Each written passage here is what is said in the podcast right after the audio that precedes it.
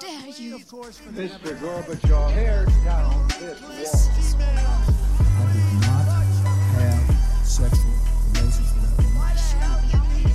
Read my lips. Hell yes, we're gonna take your AR-15.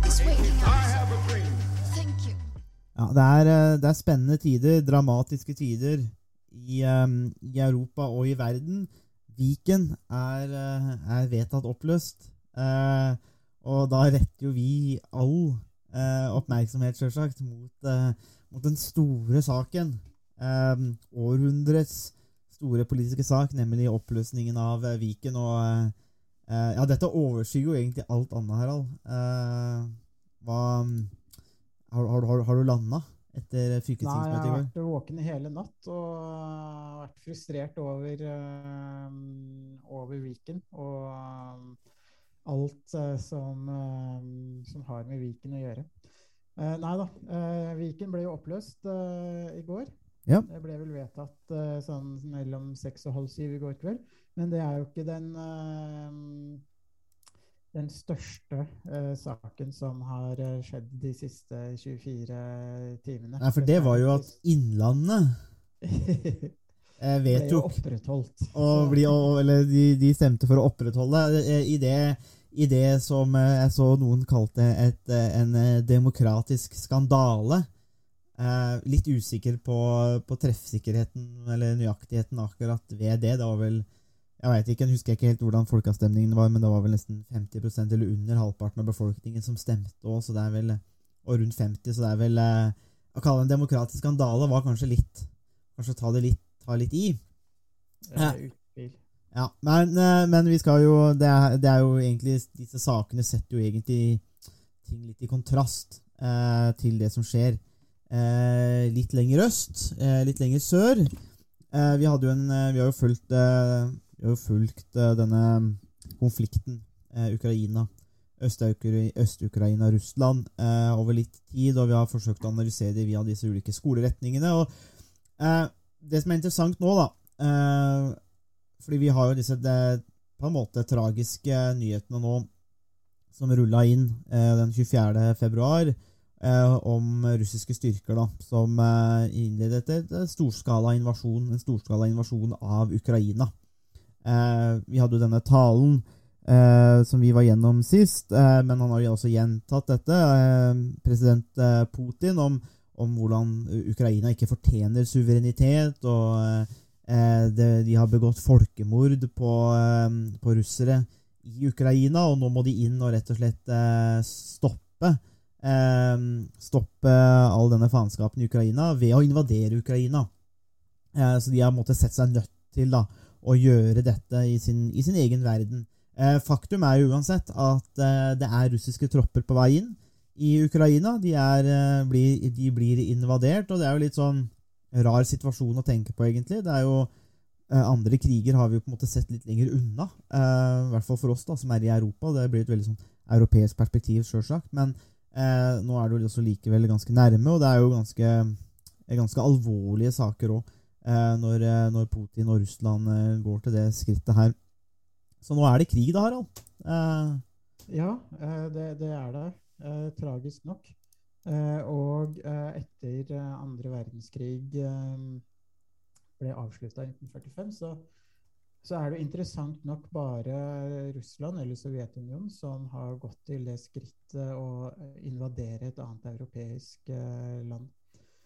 Um, og det har jo skjedd flere ganger. Uh, 1956 uh, i uh, Ungarn, 1968 i Tsjekkoslovakia. Og nå skjer det igjen i Ukraina, og det har jo også skjedd i 2008. kort krig i, i Georgia. så man ser jo på mange måter så understreker det her hvem som har vært kanskje den store aggress aggressoren eller aggressive staten i, uh, i, Europa etter andre verdenskrig. Det er kun, uh, kun Sov Sovjetunionen eller, og Russland som har brukt uh, militære styrker til å invadere og endre grenser mm. i, i Europa etter andre verdenskrig. Så sånn sett så er jo den det vi er vitne til, eh, til, i dag, uh, føyer seg jo inn i en litt lengre rekke med innovasjoner og militærbruk i, um, i Europa. Mm. Ja, det er jo Og det er jo det som er litt spesielt. Man har jo antatt at at uh, det er mye tryggere, mye enklere, mye mer liberalt kanskje i Europa, tross alt. Man kan bare reise til, og mange nordmenn har også reist, og europeere reist til Ukraina, f.eks. For, mange et vanlig feriemål, det, uh, langs uh, Svartehavet. og det har jo ikke vært noe problem, og så plutselig så får man denne situasjonen med krig som på en måte viser den ekstreme siden da, av, av politikk, og jeg vil tro at det er flere i dag Um, og særlig blant uh, ivrige unge studenter på internasjonal politikk, uh, men også i mange bloggere som med en gang ser til uh, Carl von Clausewitz sin, kjente, sin, kjente, bok da, på On War, der han også slår fast da, at krig er politikk, men med andre midler. Og, og, det er jo, er, er en interessant innsikt som vi kanskje som vi tross alt ser, da, fordi det er jo ikke sånn, Hvis vi da tror på, på, Putin, så er jo ikke dette krig for krigens skyld.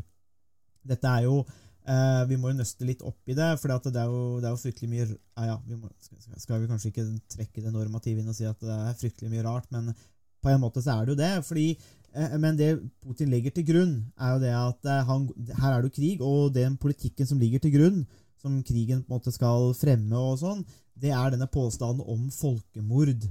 Uh, i, i, i, Ukraina. At det, han, han, gjentar, han, gjentok i talene nå i natt at det pågår et folkemord i de russiskstøttede opprørsregionene i Øst-Ukraina.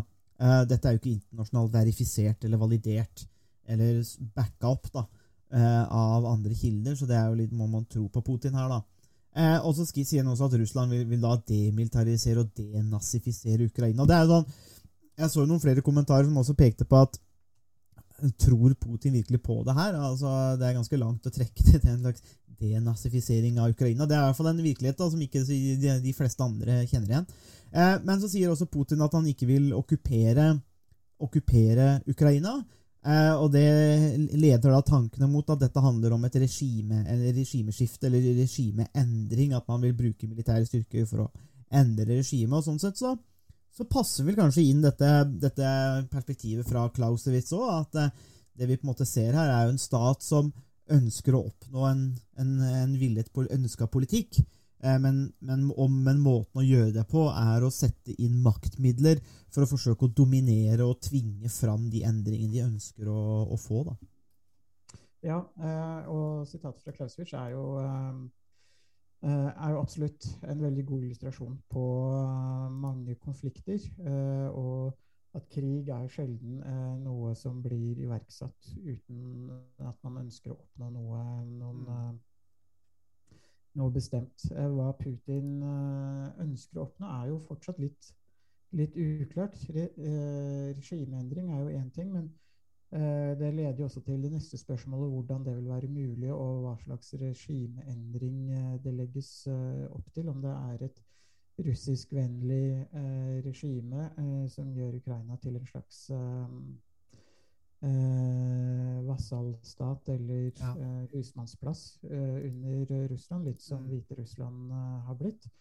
hvis det er det som er modellen, så, mm, så innebærer jo det en ikke en demilitarisering eh, av Ukraina, men heller en eh, direkte militarisering av eh, Ukraina. For det vil neppe være mulig uten et veldig sterkt undertrykkende regime, både når det gjelder medier og utdanning og sivilsamfunnet og egentlig hele, hele samfunnet. Mm. Så, så, sånn sett så er det, er det jo veldig mange spørsmål som fortsatt er er uklare. Eh, det som er ganske klart, er vel at eh, Russland eh, ingen, under ingen omstendigheter ønsker et Ukraina som ser vestover, om det er i retning av EU eller Nato eller eh, annet samarbeid med Vest-Europa. Vest jeg, jeg, så noen kommentarer eller kommentatorer som som pekte på det derre Eller noe av det vi var inne på da, eh, i den forrige episoden. Eh, det var dette med, med Ukraina som et brø brødrefolk, og at det er veldig tette bånd mellom mange russere og ukrainere. Eh, kanskje på en måte som nordmenn og svensker. Og at eh, på den måten så er det Det er ikke nødvendigvis så lett å, å, å, få, å få støtte for militære handlinger i Ukraina, og i hvert fall ikke hvis det inkluderer bakkestyrker, og hvor tapene blir store. fordi at det, det blir litt som uh, Norge og Sverige på en måte. Altså når man, når man har, særlig sånn for mange i Østfold, da, for eksempel, hvor du har veldig tette bånd. Altså, men det, sånn, det gir jo ikke mening uh, for folk flest. Måte, hvis du har blitt normalisert til forhold, og du, det er familie og slekt, så er det bare sånn Men uh, hvorfor? og det er mange da og, og og Da så jeg noen som pekte på det der at eh, Men det var enklere da, i Tsjetsjenia f.eks., for fordi at de blir uansett sett på som et slags underfolk av russerne allerede. Eh, og det var det mange russere som da aksepterte òg. Ja, men det var jo greit, på en måte, fordi det var liksom, de er jo tsjetsjenere, så de fortjener jo på en måte å få bank eh, og bli undertrykt. Mens Ukraina tross alt er litt mer sidestilt da, blant folk flest, var, det disse Russland-ekspertene pekte på. Men da kommer uansett paradokset. Det er en veldig merkelig måte å behandle brødrefolket ditt på, eller slekt og familie, eh, med akkurat sånn som Putin driver på nå. For eh, hvis, hvis, dette forholdet er så spesielt, så er det jo da veldig merkelig at uh, eneste måten å understreke det spesielle, nære, gode forholdet på, er å bombe og bruke militær vold for å overbevise den andre om at uh, dette forholdet er Altså, det er jo et, det er et voldelig forhold. Uh, domestic violence. Um, og, ja, altså, det er jo litt eh, det er den, den, man elsker, tukter man. ja, det er jo litt sånn Ja, det blir jo perverst. Uh, Nei, altså, det, det, der, det, gir jo på en måte ikke, ikke mening når uh, Putin på den ene siden snakker om brodre, brødrefolket, uh, eller Ukraina som broderfolket. Ja. så gir det jo ikke, ikke mening å så gå til angrep på um, på sin egen, uh, sine egne brødre i, uh, i Ukra Ukraina. Ja. Uh, og det her er jo et av, um, et av paradoksene, fordi at man kunne jo liksom antatt at hvis det var hvis, hvis måtte, Man ville jo anta at man kunne komme frem til en enighet innenfor familien uten å bruke voldelige midler. Mm. Uh, det som kanskje uh, det, det, som noen har spekulert i, er om eh, Putin setter i verk invasjonen fordi Minsk-avtalene fra 2014-15 eller et, som ble skrevet i etterkant av eh, annekteringen av Krim eh, og konflikten i Øst-Ukraina. Ukraina ikke har villet gjennomføre uh, de avtalene. og at det er noe av bakgrunnen. Det, det, som er problematisk fra Ukrainas side, er jo at Minsk-avtalen, som de skrev under på, riktignok, den innebærer også eh, at Øst-Ukraina får ganske stor innflytelse og egentlig en vetorett over Ukrainas utenrikspolitikk. Så det ville innebært at uh, Ukraina ikke ville uh, hatt muligheten til å bevege seg i retning av uh, Europa og Vesten. Mm. og at det kanskje er noe av det som er den mer sånn direkte årsaken til, til, at det skjer noe. Men samtidig så er det litt rart at det skjer nå. Hvorfor skjedde det ikke i 2018 f.eks., eller på et annet tidspunkt? Det som er litt vanskelig å se, er hvorfor det skjer akkurat, ja. akkurat nå. Eh, hvorfor har det ikke skjedd eh, tidligere? Det er klart Pandemien kan kanskje være en eh, variabel som er med på å forklare det. Eh, men eh, det, det, virker litt vilkårlig at det skjer akkur akkurat nå. Men, ja, men det er jo kanskje litt sånn det er litt med, med, med, med Putin nå. At det virker litt sånn Det er litt vanskelig å få tak på akkurat når eh, og hvor. Og, og det er jo klart at um, når, man, når, man, ser disse tallene til Putin, så, så vitner det om en, en, en, en kynisk uh, en holdning til, til, politikken og en, også en form for rasjonalitet der. Men samtidig så er jo Russland på alle måter en autoritær stat. Eh, og, eh, og vi snakker jo om Putin her, og det her er også verdt å merke seg, egentlig. at Vi, vi snakker jo ikke så mye nødvendigvis om Russland, eh, nødvendigvis. Alt går jo egentlig via Putin. altså i andre velfungerende stater så kunne jo, eller hadde det vært et velfungerende demokrati eller andre ting, så hadde antakeligvis ikke det her skjedd. Eh, og for det andre så kunne jo kanskje Det måtte jo vært gjennom Dumaen, og man kunne gjort ting der. Mens her så er jo på en måte det er Putin som bestemmer seg for at dette har han lyst til å gjøre, og så eh, så bare følger Dumaen etter da, for å gi en slags eh, demokratisk legitimering av denne stormaktsgalskapen. og det, det også er jo litt interessant, egentlig, at vi også bare snakker her om Putin, men det gjør det kanskje litt vanskeligere å få tak i òg, da. Men, men, men så, er jo, så, er jo, spørsmålet da, hva, hva, slags løsninger man har på det her òg, for det tenker jeg er jo litt interessant. Um, fordi uh, på en måte, hvis vi, hvis vi følger disse skoleretningene som vi har snakka om, da, så er jo eh, krigens, eller inn forløp da, mot invasjonen, den er jo egentlig ganske sånn Følger jo på mange måter kanskje den realistiske tradisjonen, egentlig. Altså dette med, med, stater som forsøker å sikre seg i et anarkisk eh, et, et anarki, da. Der det ikke er noen som står over. Eh, Russland er usikre, forsøker å sikre seg. Hvordan kan de gjøre det? Jo, det er å sikre, også sikre at landene rundt Russland eh, ikke er Nato-land, f.eks. At de dominerer de andre landene og på den måten føler seg trygge. da. Eh, og da ruster opp og gjør de grepene som skal til. Eh, samtidig så gjør det alle andre land usikre rundt. så De kommer da også til å ruste opp. og Så får vi jo se da om det blir krig, for det er jo også en viktig variabel her. altså Blir det bakkekrig, så eh, altså, vil det være katastrofe for Ukraina. Jeg tipper det også vil være en ganske stor katastrofe for Russland. Det å gå inn i et land med 40 millioner innbyggere eh, og skulle begynne å krige der med bakkestyrker, det er noe annet enn det f.eks. USA gjorde i Irak, hvor de bare stort sett bomba Irak sønder og sammen eh, og gikk inn. Eh, bak bakkekrig er ufattelig dyrt. Eh, både menneskeliv og ressurser. Det vet jeg ikke om noen av de har råd til, egentlig. Men, men, men, men, der følger den, på en måte den realistiske analysen, da. Eh, den liberale analysen vil jo på en måte slite litt, kanskje. Eller, eller kanskje ikke. Det å bygge samarbeid og ha avtaler og sånn type ting kan jo gjøre at det eneste Russland tør å gjøre, er å bombe fra lufta og så true med våpen for å få regimeendring, og så oppnår de det, så er de happy. Eh, men, så Det er jo på en måte en analyse, men realismen eh, ligger nok kanskje nær, nær, i å på en måte forstå Putin. Eh, og hvorfor han handler sånn som han gjør. Og så er spørsmålet hvordan det, hvordan det da vil løses opp. da. Eh, og der er jo kanskje der hvor den realistiske skolen kanskje kommer litt kortere. fordi da må vi jo snakke om militær makt igjen, da, for å løse opp i dette militæret. Altså, man må avskrekke eller bekjempe. Eh, det presidenten i Ukraina nå forsøker, er jo mer den, kall det den liberale retningen, diplomatiretningen, hvor det å spille på allianser, på samarbeid, bygge konsensus, normer, altså få disse normene fra FN, Nato, EU, andre sanksjoner, for å på en måte avskrekke Russland på den måten. Og det er jo en mye billigere måte å gjøre det på, selvsagt, da, i, i, i, form av menneskeliv og sånn. Men eh, jeg vet ikke hva du tenker om disse to ulike retningene her, for å løse opp i konflikten. For nå har vi jo konflikten. Vi tenker snakke om har det, har det kommet til konflikt, da, for det har det jo. Ja, nei, altså det, det virker absolutt som um, realismen er den uh, skoleretningen som, uh, som, ligger tettest opp til det hendelsesforløpet vi, uh, vi har vært vitne til.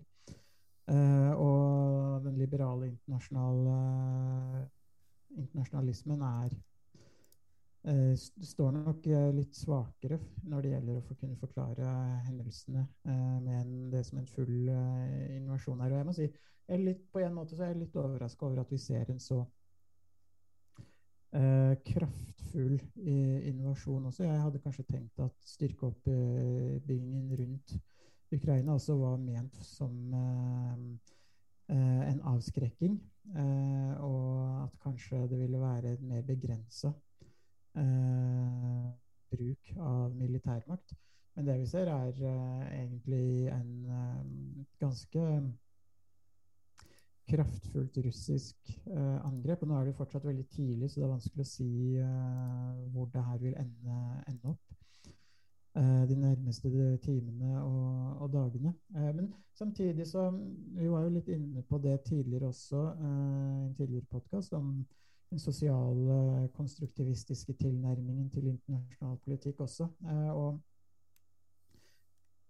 vi diskuterte jo litt frem og tilbake hva, hva var poenget med forsøket å eh, skape et narrativ og eh, forsøke å, å nærmest endre virkeligheten gjennom bruk av retorikk og ulike begrep osv. Og, så og det ser vi jo egentlig Eh, den bruken av eh, begrep som demilitarisering, eh, denazifisering osv. fortsetter å bli, bli, brukt. Så man ser jo at retorikken faktisk, faktisk fortsetter å bli brukt. Og det er klart det, det understreker jo også Clausewitz poeng om at krig er politikk med andre, andre midler, og retorikken. Understreker og bygger egentlig opp under den, eh, den uh, maksim, maksimen om at uh, krig er politikk med andre, andre, midler. Så det virker jo som at også den sosialkonstruktivistiske retningen på en måte, kanskje en litt sånn bisarr og pervers måte, også styrker seg litt som, forklarings, som forklaringsmodell, mens det er den liberale internasjonalismen som Mm. Som kanskje står svakest sånn totalt sett av de tre, tre skoleretningene. Mm. Ja, det er jo um, det, er det, som, altså, det, som, er interessant for oss, ikke sant, eh, eller det som og vi også prøver å gjøre i den podkasten her, det er, vi er jo ikke en nyhetsdekning og nyhetskanal på den måten, men det er jo interessant å se ok, hva er det disse internasjonale, hva er det internasjonal politikk og teori sier om disse konfliktene, for man snakker jo ofte om dette eh, i, i, litt mer abstrakte termer. da, Uh, og da er jo, er jo da Det som er interessant, er å se hvilke, hvilke modeller har best forklaringskraft. Hvilke forklarer best det som skjer. de kan jo ikke forklare totaliteten, men, men, hvilke elementer er kanskje viktigere. da.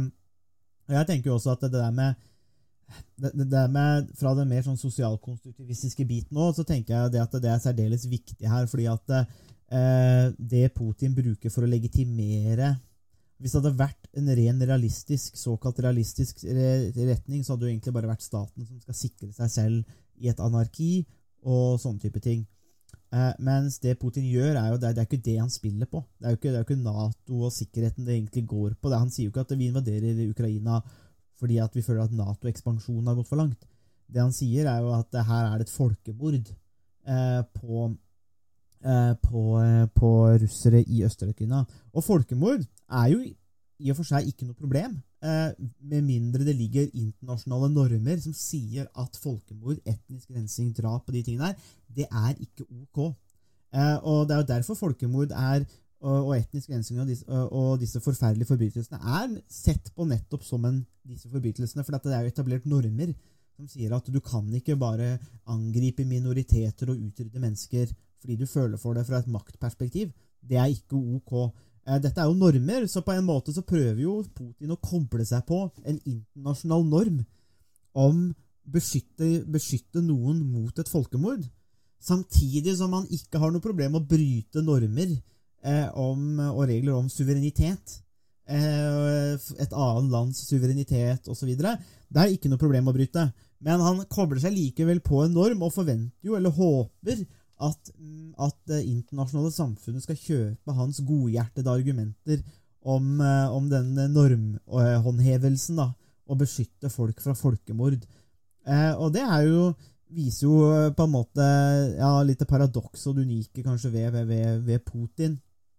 Eh, men det viser også det derre ja, det, det, viser viktigheten av normer, da. Men det er bare det at eh, de, de kan jo brytes. Eh, og her brukes jo bare normene i et veldig kynisk spill. da for å oppnå det. Men, men sjøl Putin klarer ikke å rettferdiggjøre dette bare ved å skulle sikre staten og ha mer makt, men forsøker da å pakke det inn i noen Altså, det er jo altså, er, ja, ja, jeg så noen som pekte på Tror virkelig Putin at de andre i verden tror på han når han snakker om disse tingene? Men, men han forsøker jo da, å legitimere det på den måten.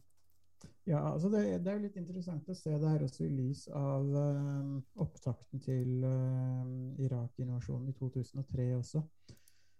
Uh, var det noen som egentlig trodde på Colin Powell da han satt i Sikkerhetsrådet i FN og forklarte og hadde slides um, hvor, eh, som skulle vise masseødeleggelses, masseødeleggelsesvåpen osv. Mm. Eh, det er klart det er jo en viktig forskjell her. Det er jo ingen som savner eh, Saddam Hussein eh, nødvendigvis, eh, selv om det eh, kan nok hende at invasjonen av i, Irak i 2003 også er på en måte er et vannskille i internasjonal politikk, og at Putin til en viss grad eh, benytter noe av den samme retorikken og den samme sånn falske måten å argumentere på, Mm. med å skape et, eh, et falskt narrativ, eh, på samme måte som USA gjorde i 2003 også. Det, sånn sett så kan man kanskje si at den den verste og dårligste presidenten i USA i moderne tid nettopp er George W. Bush, som gikk inn for eh, gikk inn for eh, invasjonen av Irak, og som også var med på å gi eh, signaler eh, om at både Georgia og Ukraina skulle bli eh, Nato-medlemmer, uten at han kanskje egentlig mente det, eller Ja. at verken Nato eller USA egentlig mente det. Noe som, eh, som også er noe av bakgrunnen her, som har skapt proble unødvendige problemer. Nato og USA har vært uklare i sin kommunikasjon og i hva de har ment. Eh, de har sagt eh, ja til Georgia og Ukraina. Samtidig så har de ikke eh, gjort noe for å følge det opp, eller for at for at det skal realisere seg. Så, sånn sett så, så er jo spesielt Ukraina har liksom kommet i en vanskelig posisjon hvor de eh, blir assosiert med Vesten Mm. eh, og Nato, eh, uten at de egentlig har den beskyttelsen eller noe av de fordelene som kommer med Nato-medlemskap. Eh, så sånn sett så eh, Vesten er jo ikke, og Nato er ikke fri for eh, skyld eh, når det gjelder eh, noe av den kommunikasjonen og den uklarheten som har blitt, eh, blitt skapt. Eh, men det er langt fra å være utydelig og gjøre noen feil til å gå til, eh, til angrep, som, eh, som Russland har gjort. Så det er på en måte, hvis man ser det liksom proporsjonalt, da, så er de de feilene som man kan bebreide Vesten og Nato for å ha gjort, er jo ikke proporsjonalt med den responsen eh, som, eh, som Russland eh, bruker nå i, eh, i forbindelse med invasjonen av Ukraina. Så det er på en måte det er, det er, ikke, det er ikke noe balanse i eh, måten Russland møter eh, uklarhetene til, eh, til, eh, til Nato. Det der er jo et veldig interessant eh, poeng, em, som er en viktig del av historien her, som du nevner, dette med Nato og, og Vestens involvering i Ukeland. fordi det er jo lett for Russland og andre å, se, å peke på Vesten, for eksempel, og USA og andre sier men se hva dere har gjort. og Det, det kan de gjøre med rette. Eh, og, og, og denne dobbeltkommunikasjonen, eller dobbeltmoralen, som har eksistert i, i Vest nå, det er et problem. fordi at eh, og dette er det mange som har pekt på, at eh, det er et kjempeproblem at USA eh, på mange, langt på vei underminerer folkerett og internasjonale eh, regler og normer fordi når det passer dem. Mens, men, men problemet med det er jo at, eh, at eh, når du kommer i slike situasjoner, så har du egentlig ikke noe eh, moral high ground eller noe basis for å kritisere andre land. For da kan, står de bare og peker på og kommer med denne what about, eh, eller hva med dere? Men på en måte så er det jo riktig òg. Altså, hvorfor i alle dager skal USA for eksempel, eller Vesten kunne omgå internasjonale regler hver gang det passer dem, men ikke Russland? Og Det er jo, er jo et godt, det er jo et viktig argument, og her er det et problem at, eh, at Vesten og USA eh, ikke har fulgt internasjonale regler og normer ved viktige veiskiller, som de burde ha gjort, fordi at det setter en presedens, og så det, legger noen føringer framover. Um, og, der tenker jeg at det er et kjempeproblem for Vesten, og det eh, er et Ja, det, det, det, du blir litt eh, trist av å tenke på at man eh, som en, det man kaller en slags liberal høyborg, har vært så villig til å forfølge illiberale eh, tiltak og politikk i så mange år, eh, når man kunne gjort ting annerledes. Eh, og det er litt dumt, for det gjør at man markerer seg jo ikke ved ved forskjellen. Eksempelet jeg pleier å bruke med det her, er en slags er en Pew-undersøkelse fra Midtøsten for flere år siden, hvor, hvor man, hvor man eh, gikk inn og spurte masse, en, en, en, stor gruppe mennesker i flere land i Midtøsten og Arabia, eh, arabiske verden, eh, hva de mente om USA. Eh, men så kjørte de en mengde spørsmål om frihet, likhet, individualitet osv. Og, eh, og resultatet av undersøkelsen var jo at folk, altså særlig ungdom, da, eh, i, i den store majoriteten hadde uh, så veldig positivt på det som vi kanskje kan kalle vestlige liberale verdier. Uh, men så skjønte de ikke hvorfor USA da var alliert for eksempel med Saudi-Arabia, som sto for det, tver, for, det, for det tvert motsatte. da. Så de skjønte ikke det. De, de likte på en måte verdiene og prinsippene, men så er det en sånn der, eh, det er et eller annet som krasjer. da. Og det tenker, jeg, det tenker jeg Vesten får betale litt for nå. Og jeg tenker Ukraina er de som betaler virkelig prisen for det, og det er litt sånn urettferdig eh, for Ukraina nå, da. Eh, absolutt. Eh, så man kan jo si at eh, det er ikke noe forskjell på USA, Russland og andre som bryter folkeretten og internasjonal eh, lov og rettigheter, men samtidig så er det en stor forskjell i eh, proporsjonene mm, når internasjonal lov og folk folkeretten eh, brytes. Eh, Så de er på en måte i samme Man kan si at de er i både Russland og USA kan befinne seg i samme boks eller i samme kategori, i den forstand at de begge bryter eh, folkeretten. Men samtidig så er det ekstremt stor forskjell på måten det de gjøres på. Eh, og eh, det, det er viktig eh, Det er en viktig det er mange viktige forskjeller mellom hvordan eh, Russland nå går inn i et naboland. Men så, hvis vi bare fortsetter akkurat der, fordi du var litt inne på det, så, eh, for det er, det er et poeng som jeg hadde tenkt å ta opp eh, og spørre hva du tenker om da. Fordi jeg følger litt med på akademiske Twitteren og ser litt hva som foregår der. Det er ikke alltid en like god verden, det, men det er interessant nok å se litt hva folk mener rundt omkring. Og det er ofte et sånt perspektiv som kommer opp, som jeg ser flere har, har snakka om, og det er en sånn har foredrag og artikler om hvordan Vesten skapte Putin. Um, og, og på en måte også har skapt den situasjonen vi er i nå.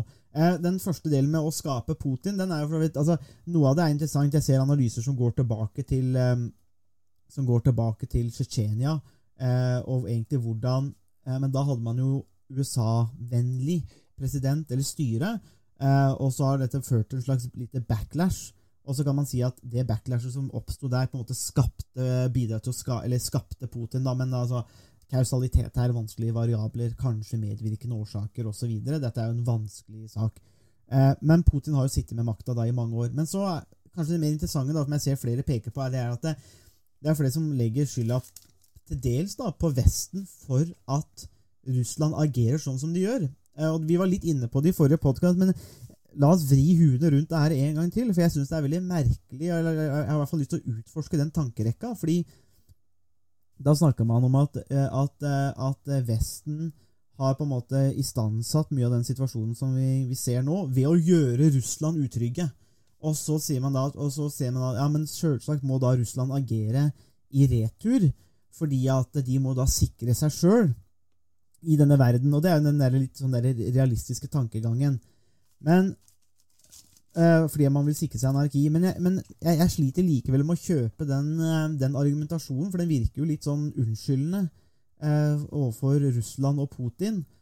Når man sier at, ja, men også for at Da rettes jo da skylden tilbake til Vesten, så er det Nato som egentlig er problemet. altså den Nato-ekspansjonen og den vestlige ekspansjonen. Og at det er Nato som har istandsatt dette, iscenesatt, og, og, og, og på en måte pusher Ukraina i den retningen for å ramme Russland. Eh, masse av disse møtene her har ikke vi tilgang til, informasjon har ikke vi tilgang til, så det må jo bli noe spekulasjon. Men jeg sliter likevel med å kjøpe at her er det en slags vestlig konspirasjon for å dytte Ukraina vekk fra Russland og mot Vesten. Um, og jeg savner kanskje den stem de stemmene som, som reiser spørsmålet, men hva om ukrainerne sjøl, i hvert fall majoriteten, ikke er så veldig gira på Russland? Og det var jo det vi så.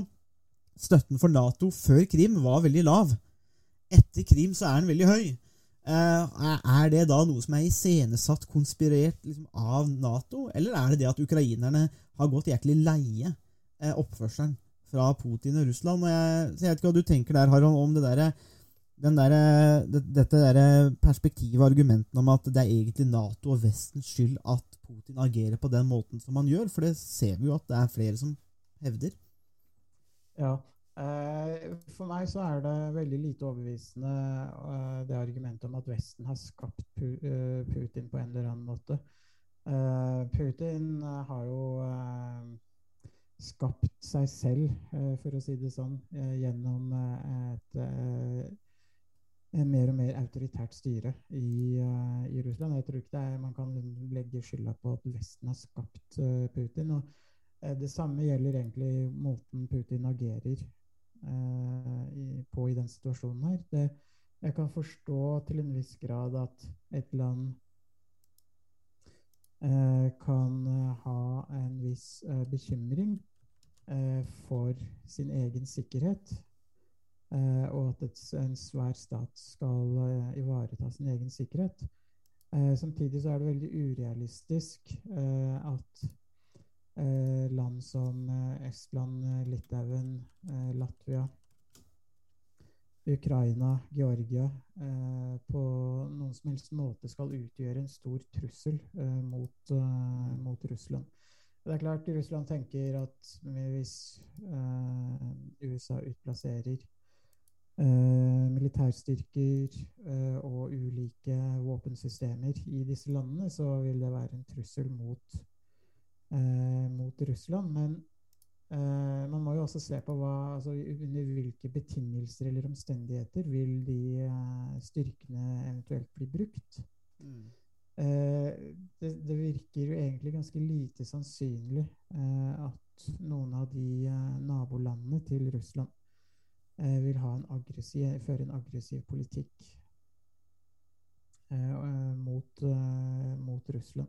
Eh, det virker som de landene først og fremst ønsker å leve i fred eh, og kunne utvikle sin egen økonomi og sitt eget eh, sivilsamfunn Uh, eh, i den retningen de selv eh, ønsker. Eh, og mange av disse landene har jo veldig negative opplevelser med eh, russisk, sovjetisk undertrykkelse fra eh, eller under den kalde, kalde krigen, med både eh, hvor mange ble sendt til eh, fangeleire i Sibir eh, og osv. Eh, det her er en kjent historie. Mm.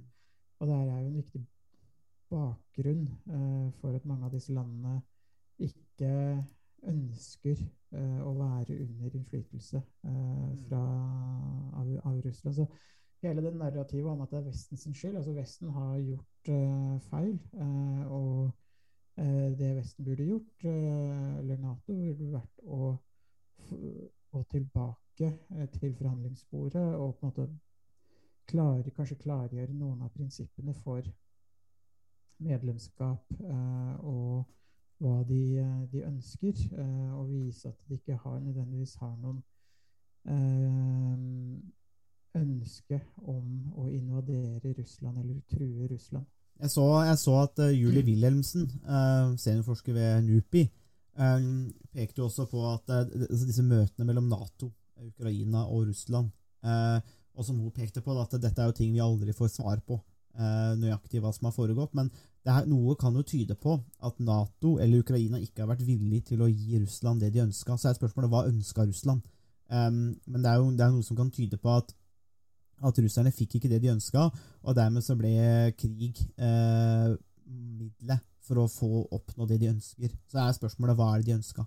Eh, jeg vil jo si at vil, altså For meg så fremstår det tullete med Nato-ekspansjon. Jeg syns det var tullete at de har inkludert eh, egentlig Tyrkia òg. Eh, for det er jo en partner som er svært volatil. Eh, og Erdogan er går jo ikke av banen for å underminere eller kritisere Nato, eller bruke medlemskap i Nato som brekkstang. Eh, Det gjorde han jo med, med krigen i Syria, eh, blant annet. Jeg tror det er en ganske sånn eh, ja, jeg er litt, litt, litt volatil partner, for å si det på det beste. Og jeg liker ikke personlig, da, så jeg, er jeg skeptisk til ekspansjon av Nato utenfor det som det egentlig kanskje var. Eh, også fordi at vi skal ikke undervurdere effekten av Nato som en militariserende faktor òg. Altså, det, det er enkelt å sitte som et Nato-land og tenke på at ja, men vi har jo ikke tenkt å gå til krig. Eh, men det undervurderer kanskje hvordan andre måtte oppleve Nato òg, eller effekten av, av ekspansjon Nato-ekspansjon har, da, eh, utover det som opprinnelig var Nato-alliansen. Eh, så det tenker jeg vi skal være skal være innforstått med, eller klar over, da, at, at det kan tolkes på den måten, og at det ikke er udelt positivt.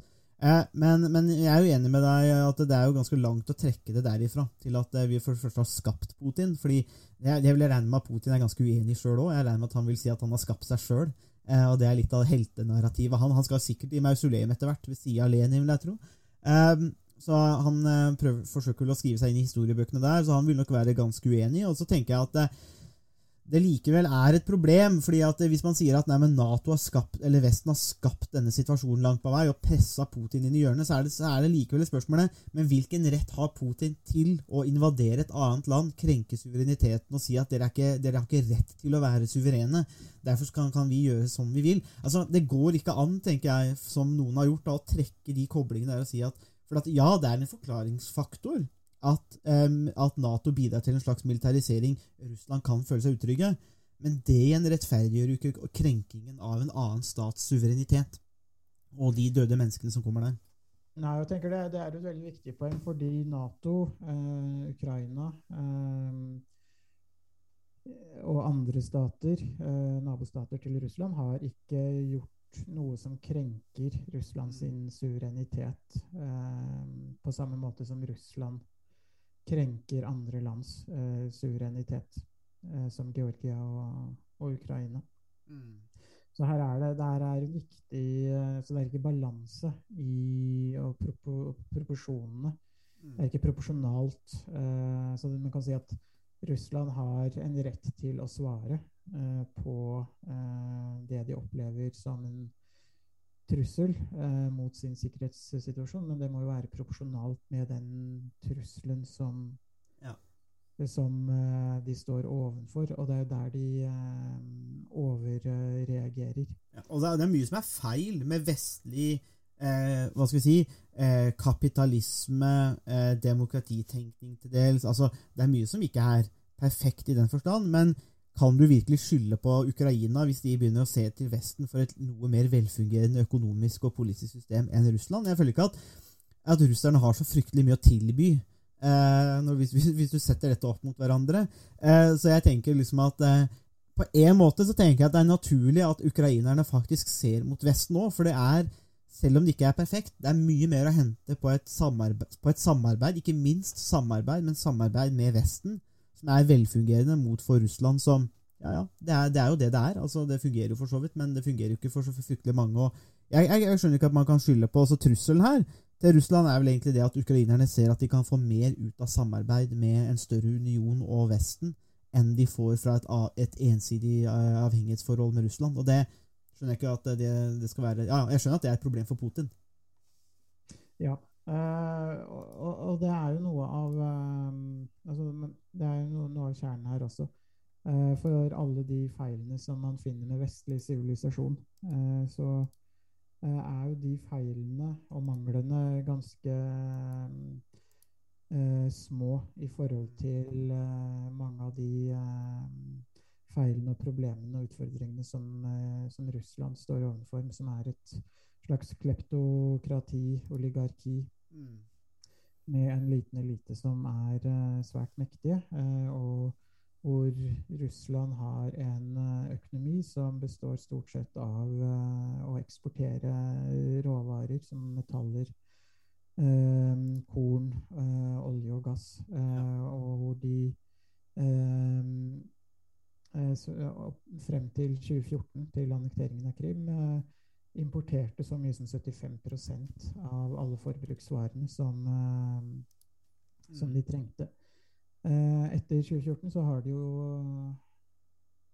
uh, fått en større egenproduksjon av frukt, grønnsaker osv. Og, så og en del andre erstatningsprodukter. Og de, de, um, de har fått en litt, en litt annen økonomi. men Eh, det er fortsatt eh, en råvarebasert eh, eksportretta økonomi som i liten grad produserer varer eller tjenester som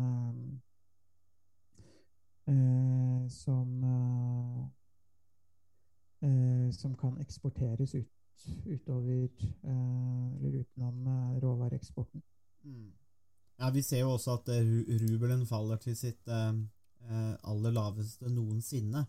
Eh, og, og slik at økonomien her vil jo bli påvirka solid. Og jeg ser siste rapportene som uansett kommer nå. altså Det er ganske alvorlig at, at uh, ukrainske myndigheter uh, nå, altså eh, klokka kvart over elleve, eh, går ut og sier at, eh, at folk kan bare komme og få våpen eh, for å begynne å forsvare hjemlandet. Eh, så det er jo ganske det er ganske, ganske drøye greier. Det som er interessant, er det at man, man krangler her på Twitter. ikke sant? Det er, sånn, det er også en ny, ny i sosiale, er, sosiale medier-æraen. At eh, du har Forsvarsdepartementet i Russland, nei, Ukraina som, som først gir beskjed om det, og så står det liksom at russerne taper mens de mister soldater. Sånn, så står liksom på Twitter. Altså, de vil krangle på Twitter eh, om, eh, om, det å ha egne sånne hashtags som de kaster seg på. Det er en sånn en veldig unik eh, verden som vi lever i da. Men, og det jeg også ser da, når jeg, når jeg leser Twitter-feeden akkurat nå som vi prater, så er jo også interessant at Ukraina eh, går da til retten til selvforsvar, eh, til artikkel 51 i FN. Så igjen så har vi denne normkampen eh, egentlig gående, og, og, henspilling til normer. Og igjen eh, vil jo de som kanskje eh, sier at, eh, at eh, dette sosialkonstruerte perspektivet har noe for seg, vil jo tenke at det, det, dette passer jo inn. da, ikke sant? At man forsøker å legitimere og validere dette via disse normene. Eh, og, og der, der, der, vinner vel Ukraina òg, tror jeg. Eh, det har vært ganske klare fordømmelser fra FN, eh, har vi jo sett òg. Så um, vi får jo se. Men jeg tenker en annen ting som er veldig interessant. Uh, kan vi jo avslutte rundt med de tingene her, Harald. Uh, jeg er jo inne da på Russia Today. Uh, og det er jo, er jo en propagandakanal for, for, for Russland. ofte det vi kanskje kan klassifisere som hvit eller grå propaganda. Altså, Det er ikke sånn eh, nødvendigvis helt falskt. Du vet at det er Russland, du vet at det er Russia Today, du vet at det er statlig kontrollert. så eh, denne, det, er, det, er, på en måte ikke en svart propaganda da, hvor du ikke vet hvor det kommer fra osv. Men det er, det er, ofte veldig hvit eller grå propaganda. Det vil si at uh, informasjonen kan være korrekt, og den kan ikke være korrekt, men den vinkler i hvert fall en veldig sånn spesifikk perspektiv. Veldig interessant sak som ligger ute her, som ble publisert i, for to dager siden. Hvordan Ukrainas, uh, hvordan Ukrainas revolusjon uh, førte til krig, fattigdom og høyreekstremisme. Og der er det en herlig um, Altså Det er jo et sånn herlig, herlig perspektiv der, egentlig, men hvor man altså da legger skylda på mye av det som skjer nå med revolusjonene eller politiske opprørene i, i Ukraina. Og dette var jo politiske bevegelser som kasta en korrupt, russisk vendt eh, eh, autoritær leder og, og, som egentlig ville ha mer åpenhet, mer demokrati. Eh, og dette legger da Russia Today og trekker da fram som årsaken da, til dette. Eh, og da er jo ikke veien så veldig lang da, til president Putins tale, eh, som egentlig gjenspeiler dette. Så dette er jo et propagandaapparat i full sving. Ja, det er det. Uh, Russia Today er, kan jo være verdt et, uh, et besøk. Uh, det er en nettside med ganske mye tvilsom informasjon, og som du var inne på, noe av det kan jo til en viss grad stemme, men det blir ofte vridd og vinkla på en måte som, som gjør at det, ikke rimer så veldig godt med, med virkeligheten. Og revolusjonen i, i 2014 er jo et godt eksempel på hvordan Russia Today Eh, vinkler eh, sakene og gir det en veldig eh, en veldig spesiell vinkling, for å si det, for å si det mildt. Det er jo kult. sånn, Se gjennom litt den der ene artikkelen, og så står det sånn Når er det krigen starta i Donbass i mars 2014? Så står det at ja, det starta med en sånn antiterroroperasjon, som det veldig ofte gjør. Og, mm. Men det var også Eh, men det var også eh, litt opprør der. Så står det at eh, det er sant at de lokale, noen av disse prorussiske separatistene, da, hadde brukt makt og jobba for å ta over makten og alt mulig sånn. Men det var ukrainerne eh, som, som, på en måte først starta problemet og lagde faenskap, og dermed tvang de fram. Veldig interessant å se på en måte en nyhetsartikkel da, en nyhetsartikkel i hermetegn som på en måte sånn ja da, det, det, så, det var sånn, men, men, egentlig det er veldig sånn sterkt normativt eh, trekk da ved artikkelen.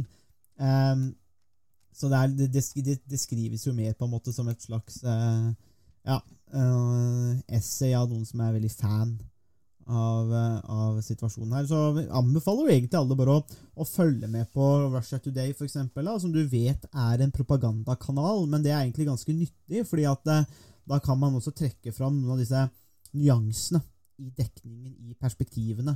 Eh, og bruke det til å på en måte lære mer om propaganda, eh, men også ja, bare følge med sånn generelt. da.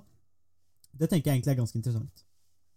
Ja, absolutt. Eh, Det gir en viss oversikt, eh, og um, det gjør at man i hvert fall får ulike perspektiver, om ikke annet. Ja, så Da får vi se. Det er jo uansett det som er litt viktig. Eh, Vi har jo forsøkt å gjøre noe av det vi, vi kan her for å gi noe perspektiver i, i en ny episode om Ukraina. Eh, Får vi se. Dette fortsetter jo. Dette, dette har jo potensial til å gå rett til helvete, for å bruke et folkelig uttrykk. Eh, Hvis, hvis det skulle bli bakkeinvasjon eh, med mer bakketropper og Ukraina svarer, så er jo Russland mye sterkere enn Ukraina, men, men gud bedre, det kommer til å bli ufattelig tap. Og store, en, en stor katastrofe egentlig for Ukraina. Det blir jo ikke noe hjelp å få fra Nato og Vesten. altså Konsekvensene for det er for store. Eh, og Ukraina er heller ikke noe Nato-land, så de vil jo ikke få noe, um, få noe hjelp. på en måte, sånn, og det sitter nok langt inne. Eh, så vi bare håpa kanskje at sanksjonene fra, fra, fra resten av verden egentlig er sterke nok til å på en måte ramme Russland. Så kan vi håpe at de gir seg med å forsøke å få til en regimeendring. Det kan jo hende at presidenten også vil akseptere det for å spare menneskeliv. Men, eh, men, men man vet aldri. altså eh, Selv om Ukraina er et svakere land enn Russland, og så pusher du noen langt nok, til slutt så kommer det noe tilbake. Eh, og, det er jo i Ukrainas rett. Og jeg tror ikke Russland, til tross for sin mi- militære styrke, er veldig interessert i eh, å invadere Ukraina heller, rett og slett fordi at eh, ja, La oss si du bevæpner folk, da. Eh, la oss si de har muligheten til det. Eh, tap, det er, er det noe vi har lært fra Afghanistan og Irak, så er det nettopp det at eh, du kan godt invadere, men med mindre du teppebomber hele landet, eller du tar en Douglas MacArthur eh, sitt forslag i Koreakrigen og lager en radioaktiv grav av Koreahalvøya, med mindre du er så gal eh, og går for den løsningen, så er krig ufattelig kostbart, og jeg tror russerne kommer til å få et nytt Afghanistan hvis de går inn i Ukraina med full bakkeinvasjon, rett og slett fordi at eh, du kan, med mindre du dreper alle, da, eh, nå må vi snakke i veldig kyniske og klare termer, så med mindre du er villig til å rett og slett drepe alle ukrainere, så vil du gå på et kjempetap inn i byene. Bare tenk deg de bykampene hvis du skulle begynne der. Du har ikke, ikke mulighet til å, til å forsvare deg sånn, med mindre, du, med mindre du da aksepterer store tap, og det, det tror jeg ikke Russland har råd til. Eh, Og jeg tror, ikke, jeg tror kanskje ikke russere flest kjøper krigen mot Ukraina heller. Altså, jeg er usikker. Jeg tror mot Tsjetsjenia eller andre så tror jeg de, de, kjøper de. Men når det er til noen som de egentlig har veldig tette bånd med, så er det, det er vanskeligere igjen da, for å få folk til å kjøpe krigen og gidde å gå i krig. Og jeg, veit ikke om Putin har samme middelen som Stalin hadde, og bare kunne dytte 25 millioner mann ut. Jeg, jeg, jeg vet ikke om det er mulig lenger eh, i, i dagen, så vi får, vi får se. Men uh, noen siste ord, eh, din, din vurdering av situasjonen, Harald, før vi avslutter denne episoden? Eh, ja, et kort siste ord. Jeg tror uh, uansett uh, hva som blir løsningen på um, konflikten, så vil Russland væ- være et slags uh, en slags pariastat i lang tid fremover, og at vi kommer til både, russeren, både Russland og resten av verden kommer til å merke konsekvensene av konflikten mange, mange år fremover. Helt klart. Det var det vi hadde å by på i denne ukas episode av Statsvitenskap og sånt. Musikken er komponert av Robin Horvath, og Thomas Colato står for miksing og redigering. Du finner oss på Facebook, bare søk på Statsvitenskap og sånt. Der kan dere komme i kontakt med oss hvis dere har spørsmål eller kommentarer. Der finner dere også aktuelle artikler, videoer med mer. Vi setter pris på om dere liker sida, og deler den med andre som dere tenker vil ha glede av å høre på podkasten. Vi And change is coming whether you like it or not.